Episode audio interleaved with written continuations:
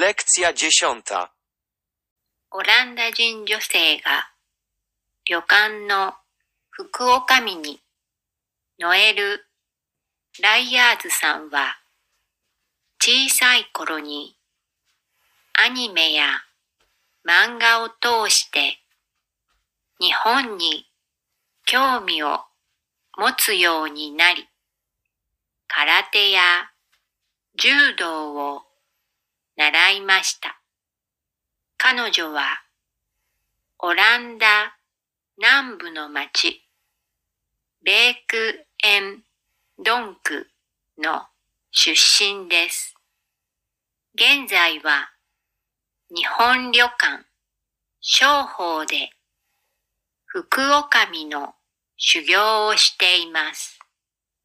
留学した日本で働くのが夢で縁あって長野県松本市の企業に就職しました。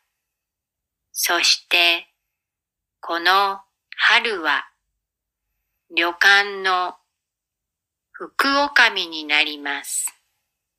宿泊業界はまだコロナの影響が続いています。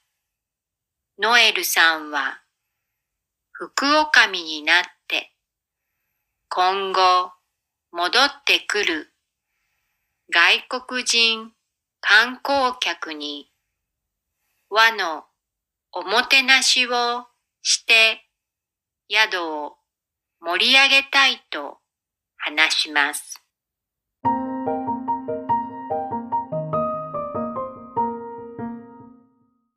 Holenderka zostaje zastępcą kierowniczki w Dzioken. Pani Noel Raje zainteresowała się Japonią w młodym wieku dzięki anime i mandze oraz poprzez naukę karate i judo.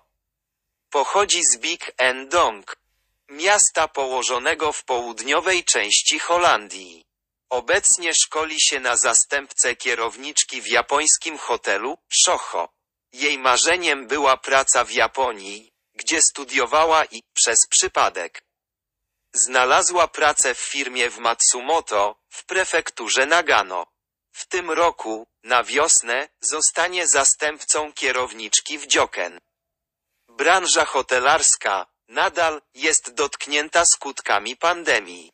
Noel mówi, że ma nadzieję ożywić atmosferę w hotelu, zapewniając japońską gościnność zagranicznym turystom, którzy, ma nadzieję, wrócą w przyszłości.